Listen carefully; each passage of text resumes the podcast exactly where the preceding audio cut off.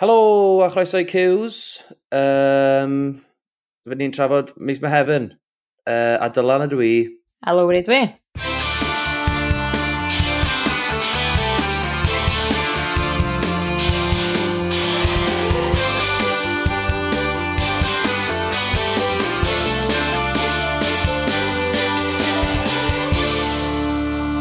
swnio'n bendant iawn efo'r intro na wan.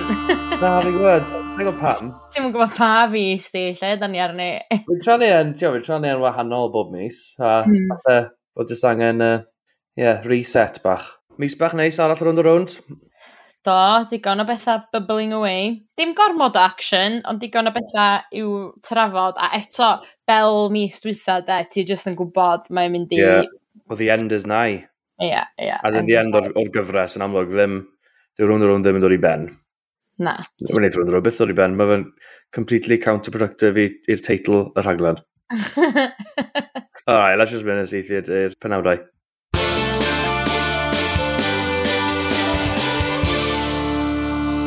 Um, o'n i'n meddwl sy'n ni'n dechrau wythnos yma, wel gynto, allu groesawu nôl, uh, fi'n meddwl i'n hoff gymryd ni, uh, sy'n ni fod yn gwneud y podlediad yn y fe, sef Gloria.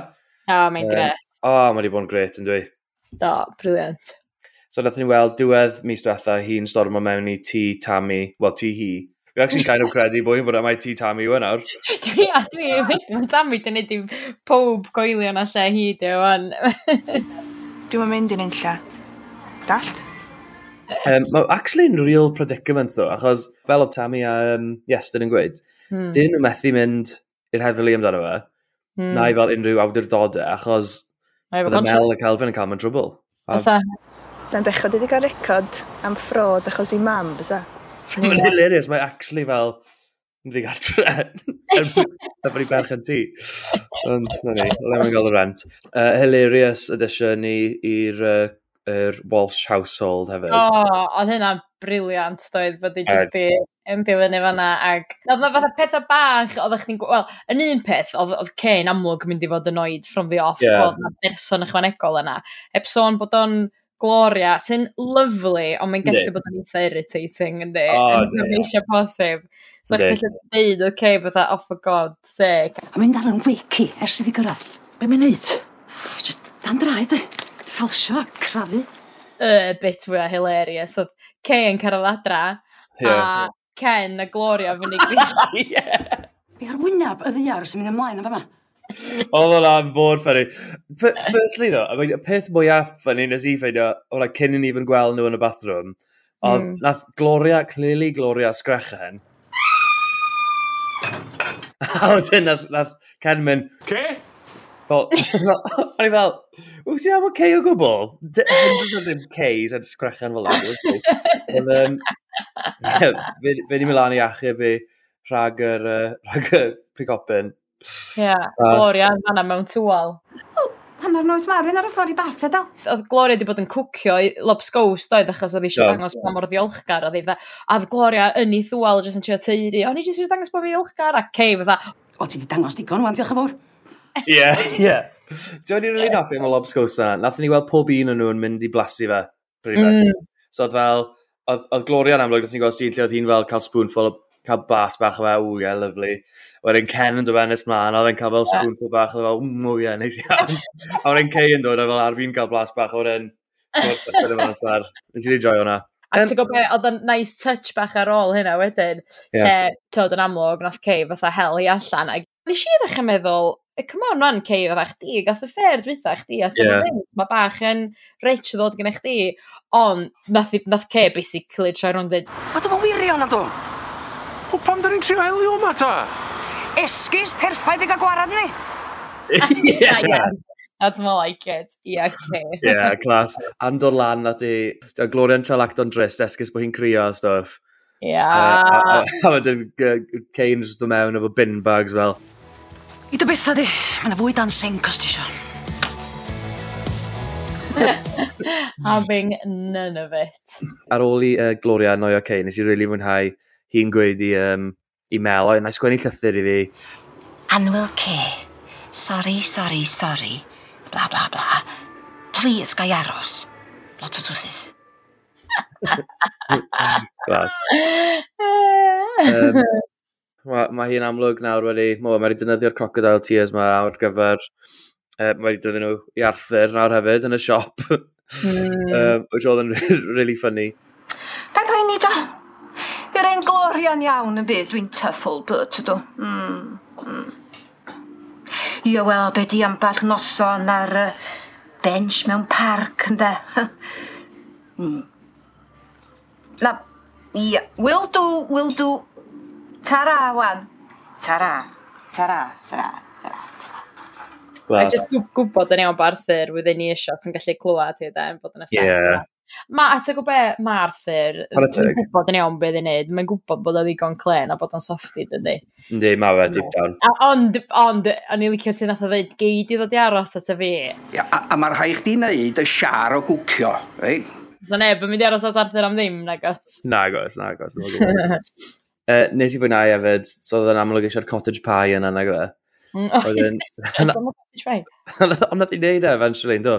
A roi rei fe, wedyn fel gadael, a there's a huge cottage pie just there. Mae'n hilarious ddo. But just yn joio upset. fel, mae hi'n really messy, um, mae wedi bod yn chwyrnu, neu loads o sŵn. Fedri di wneud rhywbeth am dy chwrnu? Nes i'n cysgu chwyn cnithiwr. Swn i fatha tren stem yn y lloft drws nisa i mi. Na, mae'n ffynnu wedyn e- efo'r dodrefni mae gyd i landio hefyd. Ie, yeah, fi falch gath i yn ôl, cos o'n i actually yn dod fy gyda'r un o'n yma. Mm.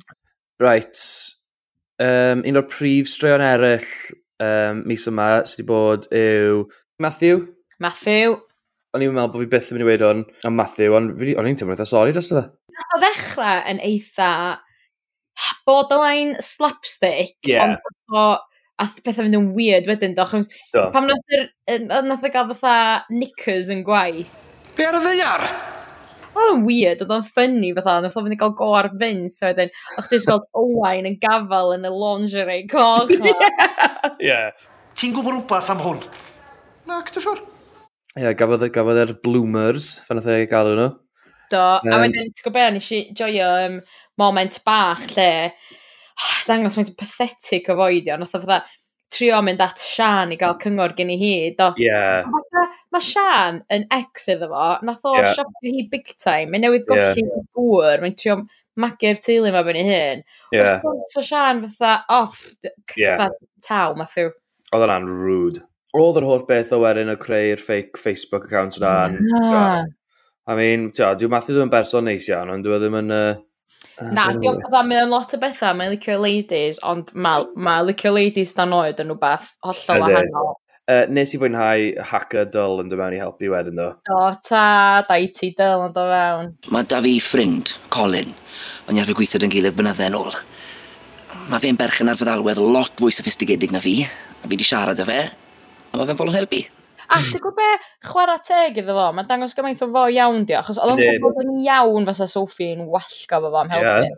Mae Matthew fo wedi cael ei problemau do, ond um, yeah. chwarae teg iddo fo, rhoi deina un ochr a yeah. helpu fo de. Oedd rhan mwy just fel, teachers unite. Ia. yeah. Ond oedd e'n ffain, nath nhw weithio mas, beth y llyfrgell yma. Um, yeah. Diolch i Colin, wrth gwrs, absolute legend.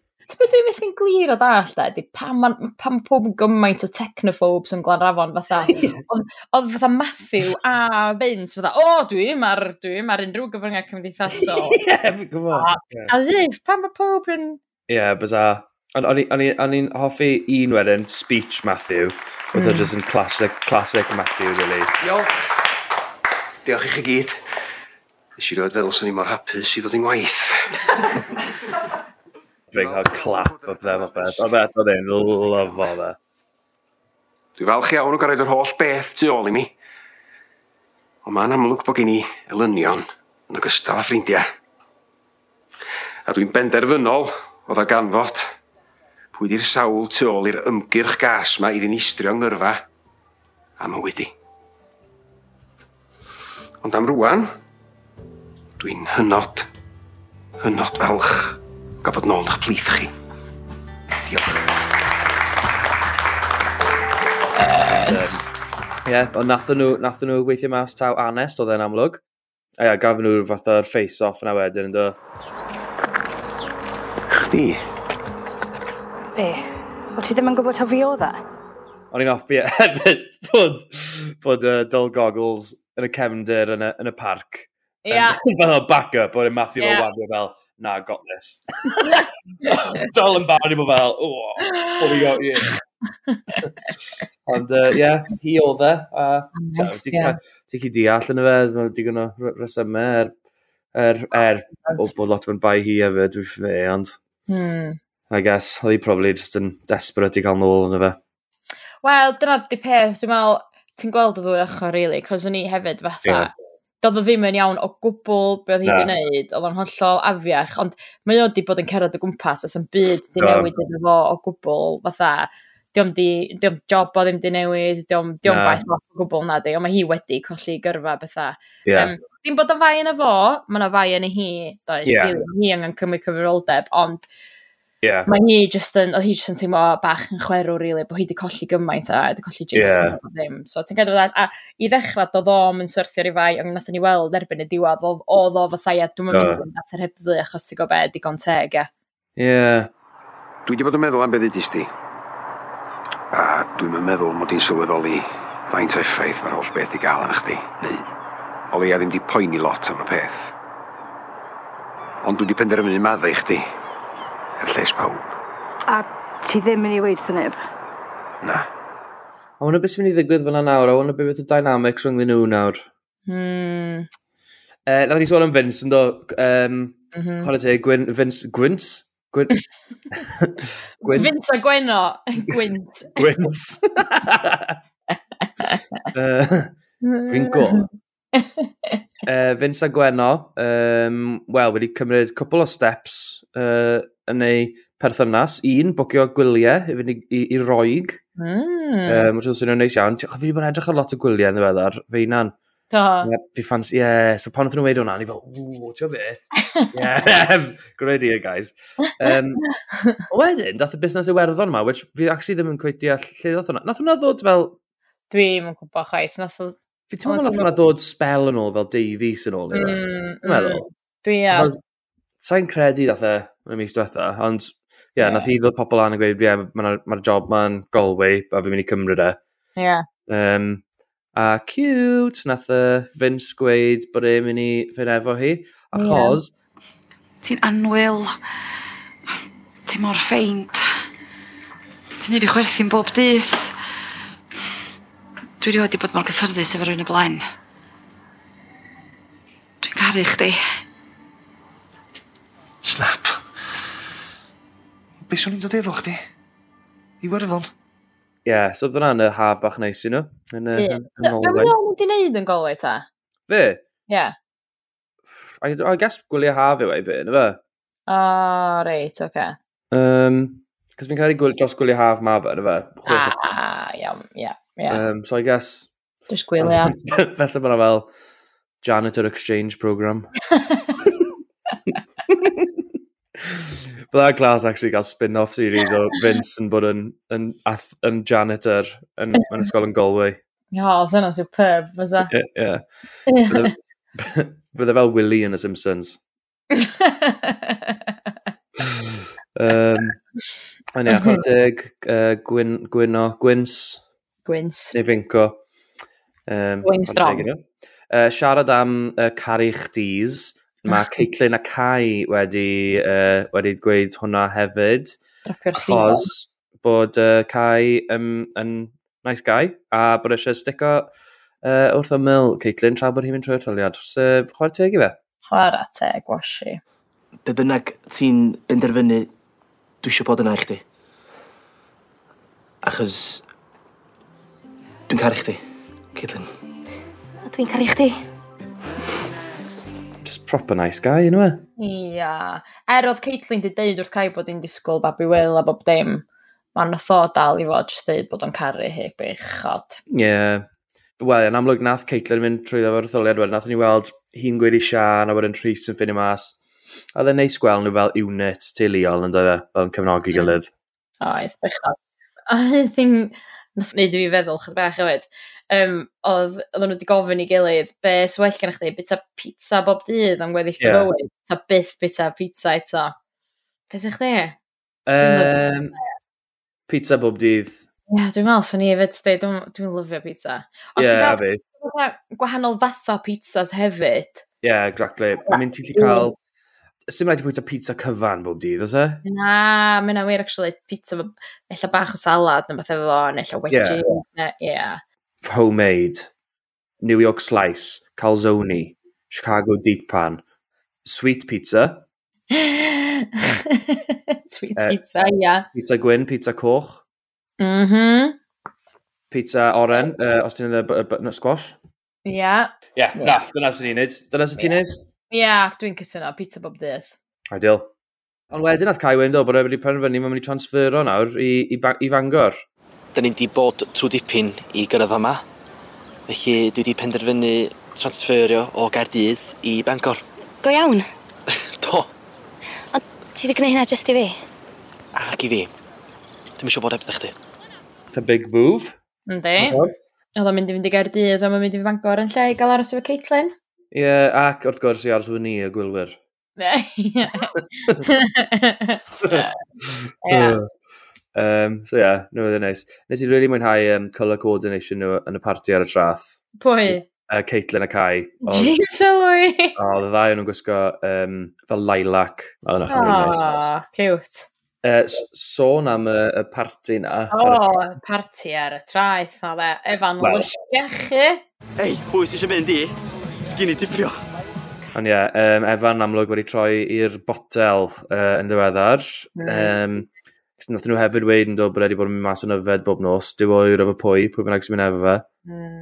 Mae'n teimlo fel bod yn mynd tua'r dibyn yna uh, a bod y gyfrinach falle mynd i ddod mas pwyr, falle mis nesaf. Well, yeah, dwi'n teimlo fod da ni'n mynd i gweld lot ohono fo, de. Na. Da ni wedi gweld lot, ond Ah, mae just yn teimlo, yndi, bod tro da ni'n gweld am, fatha bod o'n cracio, yndi. Yndi, skinny dipio a sbywio. Ti'n be arall ne, neb sôn am yw, wel mae ma Caitlin nawr, ar gyfer yr haf, mae, mae yn y busnes bytholwyrdd. Mm -hmm.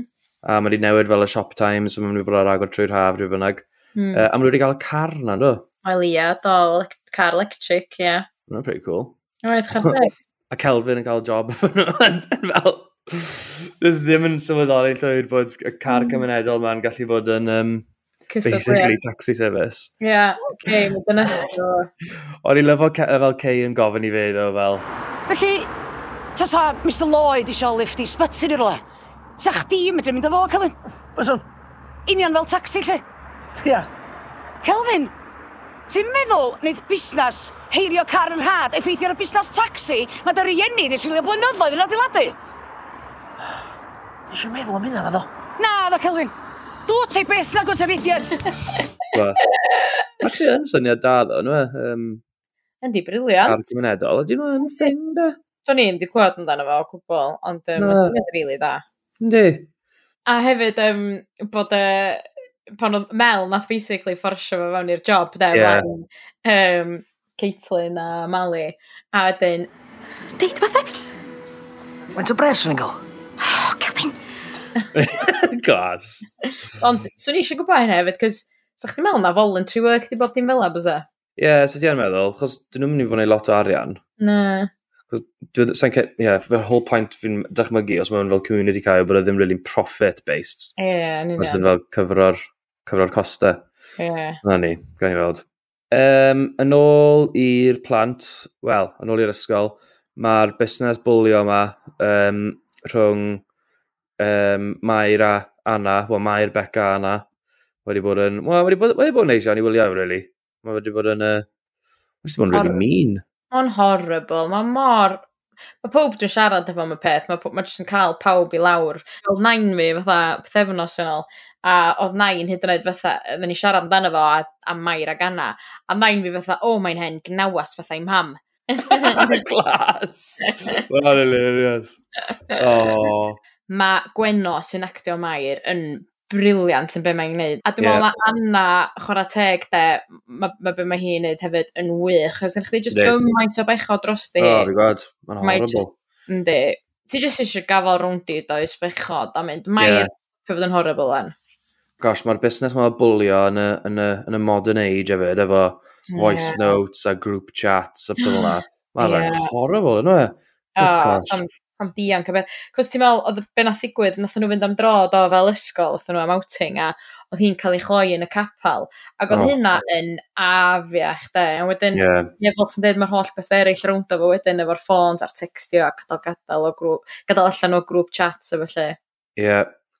Ie, yeah, a wedyn yn golygu'r fideo na i edrych fel bod, bod Mair jyst wedi ataco, na bod Anna wedi ataco Mair. Ia. Yeah. Oh, gosh. Context, guys. Yeah. Fake news. Oh, a Atha, dwi'n gwybod gwyn y gwel o bob dim, ond dwi'n just, dwi'n mynd dall sut di Sophie ddim yn gweld. Na, dwi'n gwybod, dwi'n meddwl, mae hi a Ellen, mae hi wedi cael o'n i ffen bod hi'n licio Ellen anyway, yeah. don. So dwi'n well, meddwl, mae hi just eisiau unrhyw esgus hefyd i... Hi sydd wedi dechrau hwn i gyd, yn y fe. Hi sydd mm. wedi dechrau Mair ar y llwybr o bwlio fel, yn troi mm. hi yn erbyn ffrind hi. Ie. Yeah, Yn hi. Horrible. Mm. Um, ond ti'n be, fi actually'n siomedig efo pawb yn y, yn y, yn y blwyddyn yna, achos mae loads o pobl eraill yn join o fewn. Oh. Mae El Elliot di bod yn, yn, yn, yn, yn gas hefyd, yn join o mewn efo'r fideo. Sy'n neb sy'n ochr efo bullies yn cool. Na, a hyn oed Iowan. Iowan yn, uh, ddim yn bod ar ochr uh, anna hefyd. Ond ie. Yeah. Ie, yeah, dwi'n falch bod o pethau wedi kind of dechrau dod allan o anna so, mae ma Elen, mae ma hi mae Elen mewn lle cas ofnadwy achos mae hi'n brif athrawa, so mae hmm. hi'n riant mm. hefyd. A mae hi'n gwybod yeah. o ia, a, sut un di Anna, sut un di Mael, ydy. Yeah. Ond oh, di hi'n mynd i fod yn gallu amddiffyn Anna yna, di. A fel yn hyler pan oedd Sophie mynd yn... Oh, mae hwnna wedi bod yn glas. Wel, o be, mae ma ffrindiau chdi yn amlwg yn mynd i fod yn amddiffyn yeah. ni, a, o, oh, taw. mae hi wedi bod yn hilarious, though, yn storm mewn constantly. O, o, mae un lein briliant lle oedd ei just yn deud rhywbeth o dda. Ers y trwbl na fo Matthew a rwan hyn, does am siap ar yr ysgol mae ers i Jim Jim adal. yeah, exactly. O'n i lyfo hwnna. Brilliant. ac, ie, actually dod mewn i cwyno o flaen y panel yna, o bobl. Ie, o flaen y panel. a be nath yn ystod llythyr ar y diwedd, do, fatha llythyr swyddogol yn kind yeah. cwyno a melen. Gosh, gen i weld. Mm. I hmm. mean, fi, fi really methu credu bydd Ellen yn cael mewn i trwbl. chma Ellen yn athros really da, mae'r pawb yn gwybod hwnna. Yndi, yndi. Um, so gen i weld. O fi jyst yn gobeithio bydd, um, wel, ddim just Mair yn cael y bai, ond fi'n gobeithio bydd Mair yn, yn, yn ein siŵr bod Sophie yn cael y bai hefyd. Ie. Yeah. Chos mae Sophie yn heddi mwy o rhywun a Mair, really. Achos, oh, cytuno. Just pasio fel awr mae hi, really, yna fe? Y, y, y, y, y, y, Ond ie, na ni, gawn ni weld. A treat bach nawr, actually, achos mae da ni angharad llwyd ei hun sy'n chwarae Sophie uh, yn aros am chat.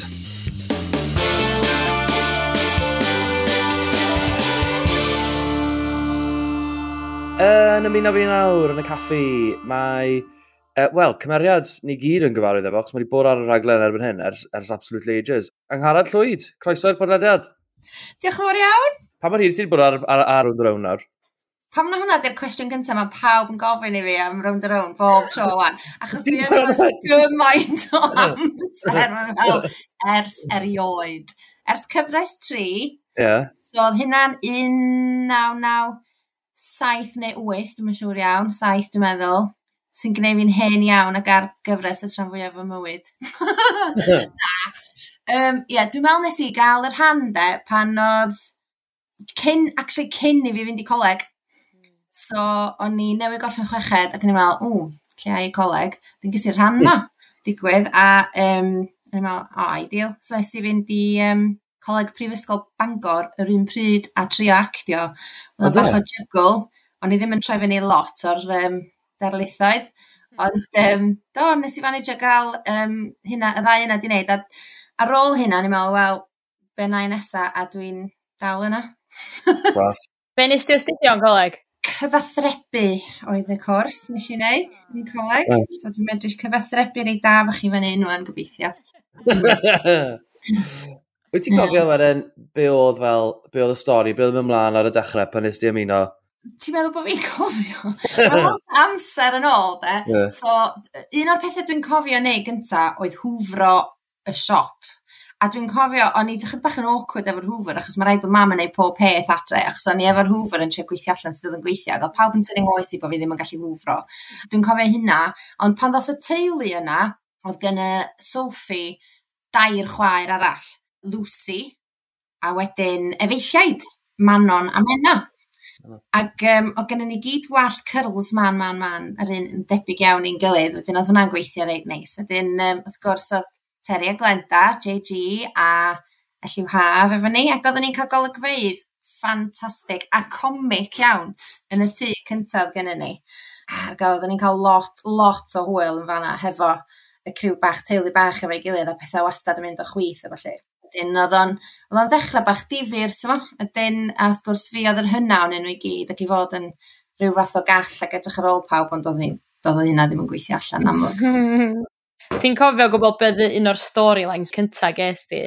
Dwi'n cofio um, gorfod mynd ar motobeic yn greitha gynnar yn y cyfres hefo um, Rhys oedd enw'r um, actor, Rhys Ap, a um, wedyn oedd Martin, y cymeriad Martin, yn dod i bigo Sophie fyny ar y motobeic ma. Ac o'n i rioed wedi bod ar motobeic o blaen, so o'n i'n oh eitha enjoio yr golygfeydd bach yna pan o'n i, pan o'n i'n fengach ac oedd yn gres actif y rhys hefyd. So, oedd um, hwnna'n storyline bach neis.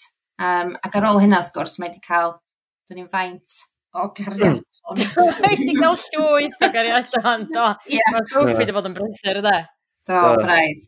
Wedyn, um, do, mae'n bach o joc, dwi'n meddwl, erbyn yma. Mae wedi cael um, dau divorce, tri gŵr, pedwar o blant, gen gwahanol ddynion, wedyn mae'n Mae wedi bod yn stori reit hir i gyrraedd fanna, ond mae, mae wedi bod yn gymaint o hwyl i gael mm.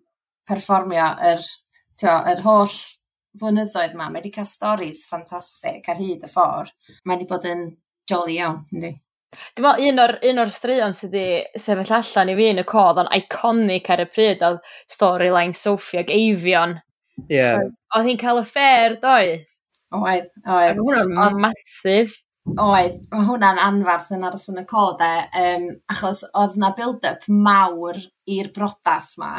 A, a hefyd wrth gwrs oedd Eifion i ddechrau fo wedi gwahanu ddi wrth um, i gariad o i fynd efo Sophie. Ah, yeah. A um, anyway, oedden ni'n dod yn fyny at y brodas ac wrth gwrs nath Elfyn droi fyny, Elfyn ia, ddyn o'r cymeriad, hefyn yn actio Elfyn do, a Sophie ddechrau ffansio hwnnw, do, a fo oedd y best man ynde, i'r brodas. Oh, yeah. So oedd hynna yn, yn stori fawr, achos noson cyn y brodas oedd Sophie yn uh, tu Elfyn yn Cambahafio. Good gosh. A wrth gwrs dwi'n wedyn, gorau ffilmio'r brodas a, wel, gwneud y brodas a gwneud ymlaen efo'r brodas a Elfyn yn, yn wr, wr um, beth yna, best man, felly, um, ia, oedd hwnna'n dipyn o stori. So, ac wrth gwrs, nath y brodas dim para'n hir iawn, achos nath bod peth gael ei ddatgelu'n diwedd. Efo'r mobile phone neu rhywbeth fel na oedd y stori, dwi'n meddwl bod wedi clywed yr negeseuon a felly. Ond oedd hwnna'n, oedd hwnna'n stori fawr ar y pryd. Dwi'n cofio, ddyn ni'n ffilmio'r brodas yna mis rhagfyr dwi'n siŵr oedd hi, achos oedd hi'n rhewi ac oedd gennyf fi'r ffrog brodas bach denna yma efo dim llawas na di byd a mynd ac oedd hi tua 8 o gloch bora ar fi a John Glyn ar gefn ceffil a cart yn mynd trwy gwarddeuthwy um, yn ffilmio yr, yr, y daith i'r capal lle a Sophie'n edrych yn nerfus ac o'n i'n crynu digon, o'n i mor oer, so dwi'n roedd yn edrych yn nerfus hefyd. Ond um, da, oedd o'n gret. Clas. Pwy oedd y... So pwy mae wedi priodi i gyd wedyn ar ôl, ar ôl eifion? Oh my gosh. Um, okay, so Eifion ar ei brodi gynta, nath o bara wsnos, dwi'n meddwl. a wedyn, um, ar ôl hynna, nath Vince ddod ar y sîn wedyn, do motorbike yeah. arall gen fo, mae gen i thing am motorbikes, dwi'n meddwl. Yeah. Uh, so Vince, Um, ac o, dwi'n meddwl oedd Sophie wir yn licio Vince a nath nhw brodi a nath nhw gael plant sef, ti'n mynd, Mair, mm. ie, yeah. oedd gen hi Owain yn doedd gen o Eifion, Mm. Yeah. O, dwi'n gorfod trio meddwl am hyn hefyd. Yeah. Babi Eifion ydy Owain. Yeah. Babi Vince ydy Mair. A wedyn, mae yna ddau blant arall ar ôl hyn does. So ie, yeah, so Vince ddoth wedyn, a nath hwnna bar ar ei da, o'n i'n meddwl. Um, Oedd hwnna'n um, gyfnod bach neis. Oedd, oedden ni'n cael storys bach difyr hefyd, tio, edrych ar ôl plant yn y llall, ac oedd, ond astraeon difyr yn digwydd rhwng Vince a Terry hefyd ar y pryd, a ffordd oedd Vince a Glenda yn gwrthdaro'n erbyn i gilydd a mm. falle oedden nhw'n ffrio fi gilydd weithiau, ond oedd Vince a Sophie'n dall i gilydd am dipyn, tan iddi fynd yn engnawes, oedd Sophie ddechrau mynd yn engnawes wedyn. Do, nath i, do. Do, a achos oedd eisiau bod yn fos ar y salon o bethau, dwi'n meddwl na fanna nath o ddechrau mynd yr on. Mm. Meddwl bod hi'n rhywun bwysig wedyn. Yn um, ath pethau chi'n bach yn fler efo Vince wedyn, cos ar ôl dechrau cael caffed up yn i, dwi'n meddwl. Ah, oh, yeah. yeah. A wedyn ar ôl hynna, dylan de. Yeah. Fan ydan i fan. Ond mae'n lot ar ei di bod in between, lle, does? Matthew hefyd yr un mawr. Matthew. Oedd hwnna'n hwyl, yeah. ffilmio hefo Matthew, a gorfod malu'r car. Ti'n cofio'r er olygfa lle oedden ni'n... Oedd Sophie oh, yeah. gwisgo ac yn malu bonnet y car, lle. Ie, oedd hwnna'n glas. Hwnna'n hwyl. Do, oedd eisiau bach o fo'n braich yna. Ni wedi sôn quick am Terry. Uh, ond Terry yw, well, ddim actually tad gwaed, Sophie? Ie, yeah, oedd hwnna'n stori fawr, eitha gynnar, um, yn y gyfres lle oedd Sophie'n ffeindio allan mae ddim Terry oedd tad go iawn hi, ac oedd na lot o pwy ydy'r tad ta. A rhyw boi o'r enw Stephen King oedd yn rockstar neu rhywbeth, ddim ond rhyw rockstar. Alli di just ddim dychmygu Glenda, yn rockstar. Na. Oedd hi'n grwpi i rhyw boi o'r enw Stephen King. Wow. Dyna pwy di tad Sophie a Lucy. Wow. Ie, a wedyn Terry ydi tad y twins. Ah, gosh. Ie. Yeah. So oedd hwnna'n huge o stori. Ac oedd o'n dda achos oedd o'n oedd o'n rhywbeth eit emosiynol i fynd ar ei ôl ar y pryd hefyd, ti'n fo? Yeah. Os, um, efo'r holl love affairs ma gyd, oedd y castori fel na'n wahanol iawn yeah. i i'w, i'w actio, i'w bortreadu a felly. Wedyn, oedd hwnna'n ddifur, de. O, oh, mae yna bendant sgop fanna i ddod a neilla i tad go iawn Sophie neu rhyw hanner brawd neu hanner chwaer. Ie, ie. Mane, ti'n iawn. Mane. So, dim y ffer oedd e, neu, ffer, ma, neu, neu plant, plant cyn oedd hi wedi cwrdd o Terry. Cyn Terry oedd hyn, ia. Oedd hi'n grŵp hi. Mae'n anwgrymu hefyd bod hi, bod hi, bod y Glenda fel Sophie yn offi fel... fel Dyna lle mae'r ochr bot beics yn dod. Dyna beca. Wel, ah. wel. O, diolch am atgoffa ni hynna. Briliant. Ie. O, hwnna'n stori bach da. Nes i fwynhau wneud hwnna. Um, ond wrth gwrs, be oedd yn neis ar diwedd y stori yna oedd bod bo Terry just fo sydd wedi bod yna iddi ar hyd yr amser, ac oedd na olygfeidd anwyl iawn iawn rhwng Sophie a Terry ar diwedd no. dweud, ti'n meddwl fel, dim och lli. No. I di dy dad go iawn, dim math o beth, da. Yeah. So hynna'n lyflu. Nice. Oh, dad Terry. Yw e'n weird i edrych nôl ar y cymeriad a meddwl fel faint mae'r cymeriad i newid dros y blynyddoedd? Yndi, mae o'n wahanol. A ti'n gwybod be, mae hynna'n reit neis hefyd, achos mae yna fatha taith di digwydd a mae yna rhywbeth ffres yn digwydd trwy'r amser yn amlwg mae wedi mynd trwy'r stages hefo trio ffeindio cariad a hyn a llall a wedyn trio ffeindio pwy ydy a mae wedi mae wastad wedi bod yn berson selfish iawn dwi'n meddwl. Hmm. Isio just be mae hi isio ddim poeni llawer am bobl eraill ond i bai am mae, ge, mae wastad yn ofalus o'i fflant ac isio gorau i fflant i, hmm. ond dim poeni llawer am neb arall na chdi. Ond hmm. ar hyd yr amser mae hwnna wedi bod yn rhyw linyn lle dwi'n trio cario drwyddo fo, ond mae hynna di mynd yn waith rwysyd, a di tyfu fwy o dyna di'n personoliaeth i rwan, lle. Wedyn, um, da ni wedi gafel yn yr, yn yr ochr yna, a creu'r person yma sy'n just yn meddwl bod nhw'n iawn trwy'r amser, yn hynod o, o selfish, a eisiau busnesu'n bywyd a pobl eraill, a a gwneud siŵr bod hi'n cael, to, mae ma, ma be mae hi'n neud yn iawn, a mae hi'n grediniol bod hi'n iawn trwy'r amser, a pob arall sy'n rong, de. Yeah.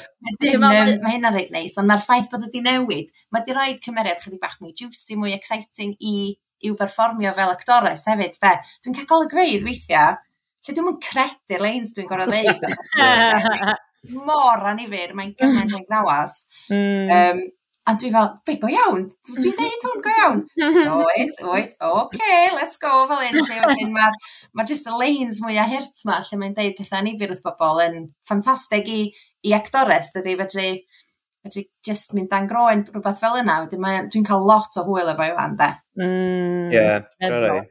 Achos mae wedi bod mm. yn rhyw fath o dyfu'r ar sber, dwi'n meddwl fatha, mae o, mae o'n bron fatha mirror image o sut oedd Glenda, er dwi'n meddwl cofio Glenda fod yeah. bod yn gymaint o gnawas ac mor gas erioed, ond mae hi wastad i bod fatha gwyn y gwel do a chydig bach yn hunanol. Yeah. Dim, dim, dim o reidrwydd i hi, ond hi a'i theulu de, mae'n driw iawn. A dwi'n meddwl mae Sophie union yr un peth rwan, dydy, a mae angen dylan fel oedd Terry just i camio hi lawr chydig bach. Yeah. Dydy. Ydy, dwi'n dwi gweld hynna'n gweithio rei da, a ti'n mm. iawn yn deud, mae wastad eisiau gorau i'w fflant, ac ti'n modd, cadw'r teulu'n greu, a, a cadw gwyneb i pob arall yeah, hefyd, de, ti'n gwyneb, yeah. So, dim isio fatha i neb arall gweld nhw'n wrong na di beth, Mm. Wedyn, mae hynna'n wir am Glenda a Sophie, so mae hynna di yeah. lawr. Mm. Ond mae Sophie's mynd cam bach yn bellach hefyd, dwi'n meddwl weithiau. Mae'n bod yn anifir efo bobl a falle, ond... Um, Mae wedi bod yn horrible efo Elen, da. Mae ma, ma, wedi cael dwi'n gael sawl y golygfa lle mae jyst byrstu fewn i'r ysgol. Hwna sy'n ar y teledu rwan, de, o, o wir, oedd yr adag lle o'n i'n ffilmio. A gorfod gwneud golygfeidd efo Cachimara yn yr... Mm yn y swyddfa de, a fi'n yeah. Mm. jyst yn gorfod tynnu'r gwneba ma arni a deud, ti'n gwybod, o math o bethau ofnadwy. A Wedyn, unwaith oedden nhw'n gweiddi cut, oh my gosh, oedden ni chwerthu, na. Mae'n anghryd adwy, ond ti'n meddwl, mae'n ma siw bod y pethau yma'n digwydd go iawn hefyd ydi. Oh, yeah. mm, Wedyn, ti'n gorau cofio bod na, bod na rieni bonkers yn gwneud math yma beth eich adwn, dwi'n gwybod. Mae'n yr golwg feidd lle oedd um, Sophie'n deud bod eisiau gwneud gwaith cartra um, mair a bethau fel la. O, yeah. gwrs, Dwi'n gwybod os di pawb adran ymwybodol, ond mae Mair neu Gweno yn ferch go iawn i fi. No. Really? Yn bywyd go iawn. Ydy, oedd chi'n gwybod hynna? Yn de, so wrth gwrs wrth ffilmio hwnna, Oedd gen Gweno fi gwaith cartra er adra hefyd yeah. go iawn. So ni'n gorfod dweud, sgyn ti waith cartra Gweno yn y ffordd mwyaf anwyl, os ti ti'n meddwl, neu oedd hi'n yeah. troi rownd ac yn dweud, paid ti bod rel soffi wan, mam. Glas. Oedd, oedd um, o hynna chydig bach yn anodd, fatha, oedd o'n eitha debyg i bywyd go iawn, ond oh dwi'n trio meddwl bod fi'n lot yn wylach fy ffordd efo mlant gobeithio. Oh, ddim yn gwneud beth nhw dros nhw, wrth gwrs. Ond edrych yn debyg. Oedd um, cymeriad Sophie'n disgwyl ac yn, ar y pryd o'n i'n gwybod bod fi'n disgwyl go iawn hefyd wedyn pan wow. nath y ddau tywa, nath, nath Gwerno gael ei geni ac oedden nhw angen babi go iawn yeah. i actio merch Sophie doedd so oedd o'n just yn ideal oedd o'n hawdd i fi oedd ni'n dweud wel sa chi'n meindio sa ti'n meindio sa ni'n defnyddio dy fabi di lle o'n i'n meddwl o oh, gret Pawb ti'n gorau ffeindio ni fi warchod. So, ddim, oedd Gwen yn dod i fewn efo fi es pan mae'n 3 mis. Waw. Yndi, mae'n dal i wneud wedyn. Mae'n mae dechrau mwynhau o fi, dwan. O, mae'n... Na, mae hi'n bod yn od i chdi hefyd fel mam ta felly, achos mae hi wedi bod yn cael golygfeidd pwysig a cry ofnadwy o, mae'r mm. storylines mae hi wedi gael, mae just yn, o, mae'n horrible i wylio, dydy. Ie. Yeah. Yndi, Yndi. Mae, mae, mae, i chdi fel mam go iawn hi fod yn rhan o hynna wedyn. Ie. Oedd ei thadi, oedd yng Ngwrin um, yn gwylio hefo ni yn ysyn o blaen, um, ac oedd o'n sbio, ac oedd o fatha sef yn gwylio horror movie neu'r bath, oedd o'n cuddio dilygu, dwi'n mynd fedra i'n gwachod chdi bod yn anifir gwaen o'n fel i.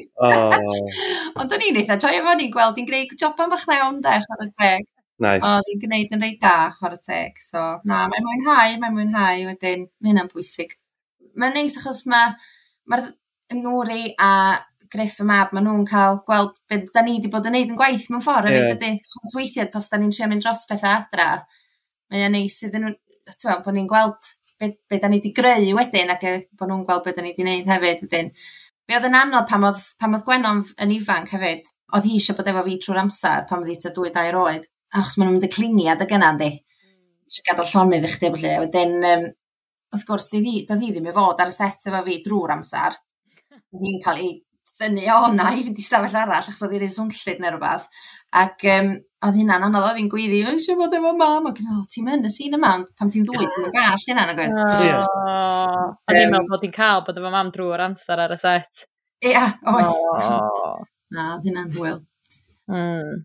Da ni'n mynd yn ôl, deud y stori yma ffordd chwyth braidd, ond pam oedd um, Pan oedd Sophie'n disgwyl, oedd eisiau gwneud golygfa bod hi'n mynd i labour lle pam oedd hi yn y tŷ a ben ei hun. Dyn dwi'n cofio ffilmio um, yn hen set tŷ Vince a Sophie. O'n i'n gorfod bod ar y llawr yn smolio gael contractions a falle. A wrth gwrs o'n i wedi mynd 8 mis yn real life gogio, ti'n fel, o'n i'n go iawn di, yn disgwyl a bron, bron a roi genedigaeth fy hun yn barod anyway. So gynnach fi, o'n i'n cael gymaint o ffys ar, uh, ar y set, achos o pawb yn poeni bo, bod y babi go iawn yn mynd i ddwad ar y set. yeah. Ond So pa fel, ti'n iawn? Ti'n iawn, wyt? Ti'n gorau mynd eto, os ti'n isio? Oh. Uh, mae'n iawn, mae'n iawn, dwi'n oce. Okay. Dyna oh, cael babi heddiw. o fath na round a round fewn i one born every minute. Ia, dwi'n meddwl, ia. Ie. Sôn am benod ddiddorol, fysa. Ie. O na, da ni wedi gweld yr, y plant yn dod i fewn iddo fo lot fwy'n ddiweddar do, a mae'n really lyflu gweld perthynas chdi a Mair, a mor ddifur bod chdi'n fam iddi go iawn, a yr storylines da chi wedi bod yn rhannu hefyd, sydd mae Sophie mor warchodol ohoni, mm. a mae'n briliant.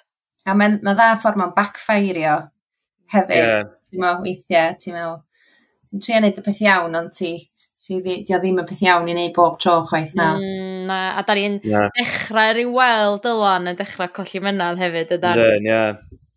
Ia, oh, dylan drian. dylan drian ganol ei gyd. Yn edrych dro, drod yn ôl dros rhai o'r storylines dde, wyst dati unrhyw ffefrynnau sy'n sy uh, sefyll allan dros y blynyddoedd? Hitio car Matthew, o hwnna'n hwyl. Mm. Nice. Y priodasa, yeah. hwnna'n yn andros o hwyl hefyd. Mae yna lot o storys da di bod yn digwydd hefo cymeriad Danny hefyd. Do. Dydy, dydy Sophie a Danny ddim yn ffrindiau mawr yeah. o gwbl. Na, na a, um, allan o'r holl, holl berthnasau hogia mae Sophie di cael, dwi'n meddwl bod yna drama o'i gymharu fo'r drama mae Sophie a Danny di cael ar hyd y blynyddoedd. na, na, na, na, na, na, na, na, na, na, na, na, na, pan nath Sophie fynd efo'i thadi, ti'n cofio hynna? O'n i'n cofio hynna. Efo Wyn. Oh my gosh. Oedd hi'n mynd ar ôl y pres, dwi'n meddwl, adag yna eisiau, ti'n meddwl, mm. y tu mawr a'r lifestyle yna. Yeah. Um, ag do, oedd na ryw um, affair bach yn digwydd yma na, nath Dani ffeindio allan. Wrth gwrs, oedd hi ddim yn hapus na gwaith. Wedyn, oh. hynna, di, di ddim di bod yn gres ers yna. Na. Alli di ddychmygu. Ond, um, ia, a bod uh, y ddwy'n yn nhw eisiau bod yn berchen ar y salon wedyn, mae yna dipyn o, o clash di bod yn digwydd y fanna lot, de. Mm, hynna di bod yn hwyl i chi di gael actio o'r clashes fa. Dwi eitha modd yn actio hefo Fion, mae Fion o fi'n ffrindiau mowr go iawn. Um, ond um, na, pam da ni'n cael golygfeydd fel a, da ni'n enjoyo nhw de, da ni'n mynd amdani a chwerthu'n lot ar y diwedd, wedyn mae hynna'n gret. Hmm. So mae na, ma, ma neis cael chyd bach o, tyfo, chyd bach o gig i, i ddefnyddio fel acto, actores hefyd, felly mae'n ma gret.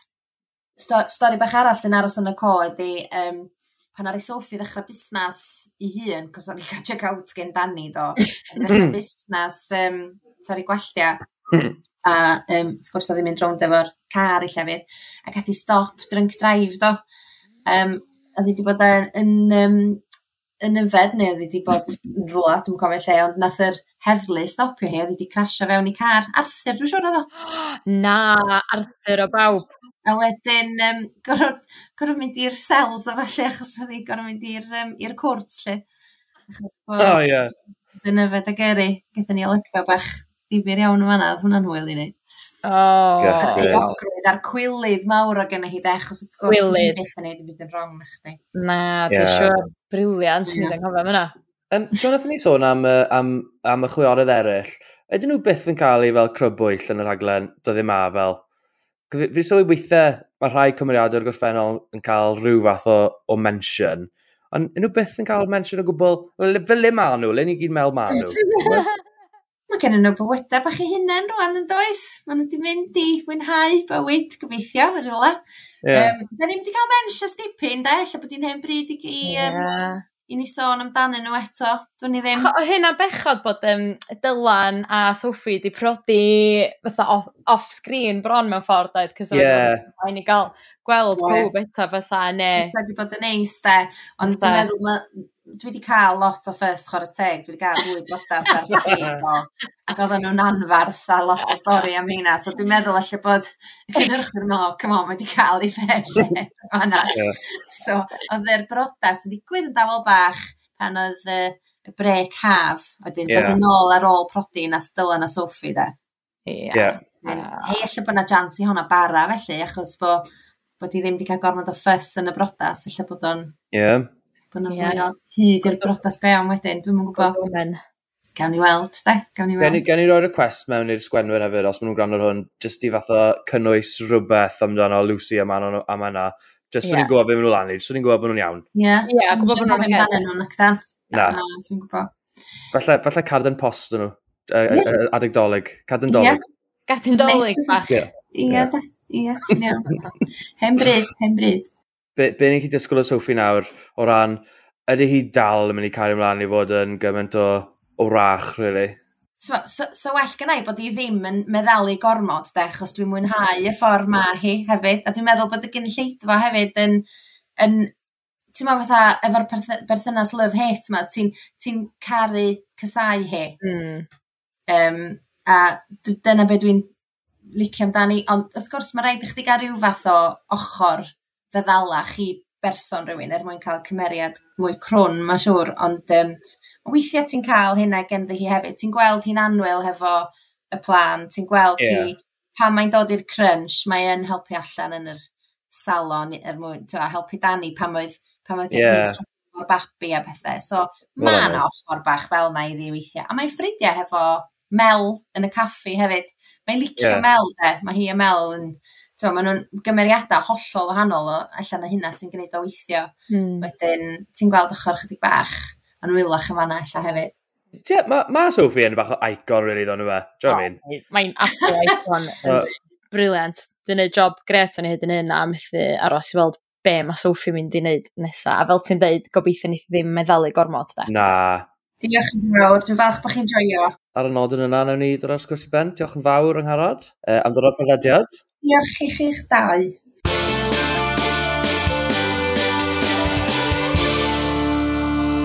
A ti'n gwybod be, ti'n llygad y le, mae Sophie yn absolute icon. A... Ne gret cael chance i gael sgwrs efo angharad. A mae mor odd ydi pan ti'n cyfarfod cymeriadau yeah. sy'n horrible ar y sgrin. Mae wastad yn yeah. siarad, maen nhw mor lyflu. Ie, yeah, like, gosh, o'n i'n meddwl yna.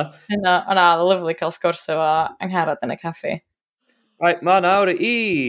Extra neu cari o'r mis, mis. Right, extras.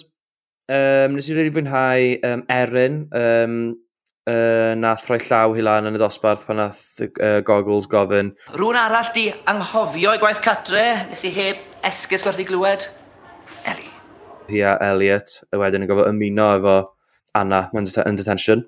Fi'n disgwyl gweld y tri yn chi mewn amser cynno i neud e. O, sir! O, sir! Um, i rywun nath rili sefydd allan i fi fel extra oedd y boi yn allan eglwys, a trip ysgol de. Yeah. A dod nôl i gloi a hefyd, oedd yn briliant, ti'n pan bod Anna'n rhedag o'na. Oi! Aros! Oi! yeah, yeah, that very good. Uh -huh. Nath, nath Matthew, pan oedd ddysg dwi'n cael hyder i, i adael y tŷ, cael ei pas y cwbl o ddisgyblion. Nath i un mynd... Iawn, sir, dal suspended. A llall mynd... Mochyn! Which nes i really fwynhau. Um, yeah. Um, extra, dwi'n gwybod sy'n cyfru eitha extra mm. ddo, really, actually, fwy fatha virtual extra oedd Hayley Jones. Hi yeah, ddal Matthew allan. Fake, yeah. fake Facebook profile. Ie, yeah, oedd hefyd rhywun oedd, nath ni ddim gweld, oedd kind of dim ond yn bodoli yn y byd virtual, sef Colin. Hey, Colin, what's new? extra da ni wedi gweld o'r blaen. Dwi'n gwybod sy'n extra ta cameo, actually, ond yeah. units yn bythol wyrdd. Ie, yeah, diolch am y car car trydan i Caitlin a Mali, mae hynna'n mynd i fod yn exciting iawn. Ynddi. Swn eitha modd, tasa ti a Caitlin yn cymeryd y car gynni. Ond mae cwpl o'r eraill uh, ysgol related hefyd. Ie. Yeah. Ond mae tri person ar y pwyllgor um, yn siarad efo Elen. Wel, diolch am, am gasglu'r wybodaeth i ni. Um, yn amlwg, mi o'n i drwy bopeth efo crib man a dod nôl atoch chi efo'n penderfyniad. A gorod um, dioddodd The Wrath of Sophie, chos oedd hi'n marchio fewn ac yn cael gor arnyn nhw i gyd. Ie, yeah, oedd o'n clas. Felly sgynna ni ddim dewis. Ond gwneud cwyn swyddogol yn erbyn Mrs Ellen Edwards. A hefyd, yr er athrawon yn ystafell athrawon, pan ath Matthew ddod nôl i gwaith ag o pob yn sefyll yna'n clapio ar ôl i speech o a Dwi'n meddwl, yeah. handshake a tap on the back gan un o ddau hyd yn oed. Ac yn ola, dwi'n siŵr bod ni gyd yn falch iawn o gael Matthew yn ôl efo ni heddiw yma. Fi'n offi hwnna pan ti'n cael cast fel lot o um, lot o extras fyna, cos mae ma Siawn Stafell wedi nabod rhywun, so cwpl o gwneb y cyfarwydd ar yna. Um, fi'n meddwl, do, fi'n gobeithio bod ti'n cytuno, mae'r mae, mae mwel, yr extra gorau mis yma, oedd probably boi agor cae capel. Dwi'n cytuno boi agor cae capel, ie. Yeah. Achos hefyd, fi jyst yn parch mawr iddo fe am ddim cael harten pan wnaeth uh, Anna sprint o paso fe. o, aros! Mi ddari bron roi harten i mi. Ond ie, da iawn boi agor cloi capel. Ie. Yeah. Extra yn cael i o y mis. Oi, aros! Y mis. Right, cyn i ni orffen yn gyflym, um, ydy Gloria'n mynd i cael ei thi yn ôl? Neu fe Tammy sy'n fi ar tîn anwr? Tammy sy'n fi efo fan. Ie, yeah, fi gan meddwl falle tawe. Ydy Vince a Gwenno mynd i gael amser bach neis yn Iwerddon dros yr haf? Yndi, lovely. Yep, cool. Caitlin y Cai, dyfodol disglair? Um, yndi, mae'n siŵr, dydy. Yndi, maen nhw'n mynd i fod yn plain sailing am gyfnod dwan, dydy. Anna neu Mair, pwy ti'n meddwl geith y bai? O, oh, mae hwnna'n un da. O, oh, gosh, gobeithio mae Mair. Gobeithio bod Mair a Sophie yn mynd i cael be maen nhw'n heiddi. Ac un peth arall, gyda jyst mis o rownd o rownd ar ôl nawr, tan y toriad o'r haf, wyt ti'n meddwl bod cyfrinach Evan yn mynd i gael ei ddatgelu? O, oh, hwnna dyn un mawr, de. O, oh, dos bosib bod hwnna'n mynd i ddod i ben cyn rhad, dos bosib. Yeah, I don't know mae mis nesaf mynd i fod yn build-up hwnna yeah. a wedyn y datgelu. Goro bod, goro bod. Ie, yeah, ti'n be, mae dy fi teimlad fyddwn ni ddim yn gweld mynd i America. Na. Fi'n meddwl byddai'n mynd i meso pethau lan neu rhywbeth. No. Gawn ni weld. Well. Alright, gynna ni drafod y mis nesaf ar gwedd y penod ola. Cews, diolch yn fawr yn rondo. Diolch yn fawr yn rondo. Smooth.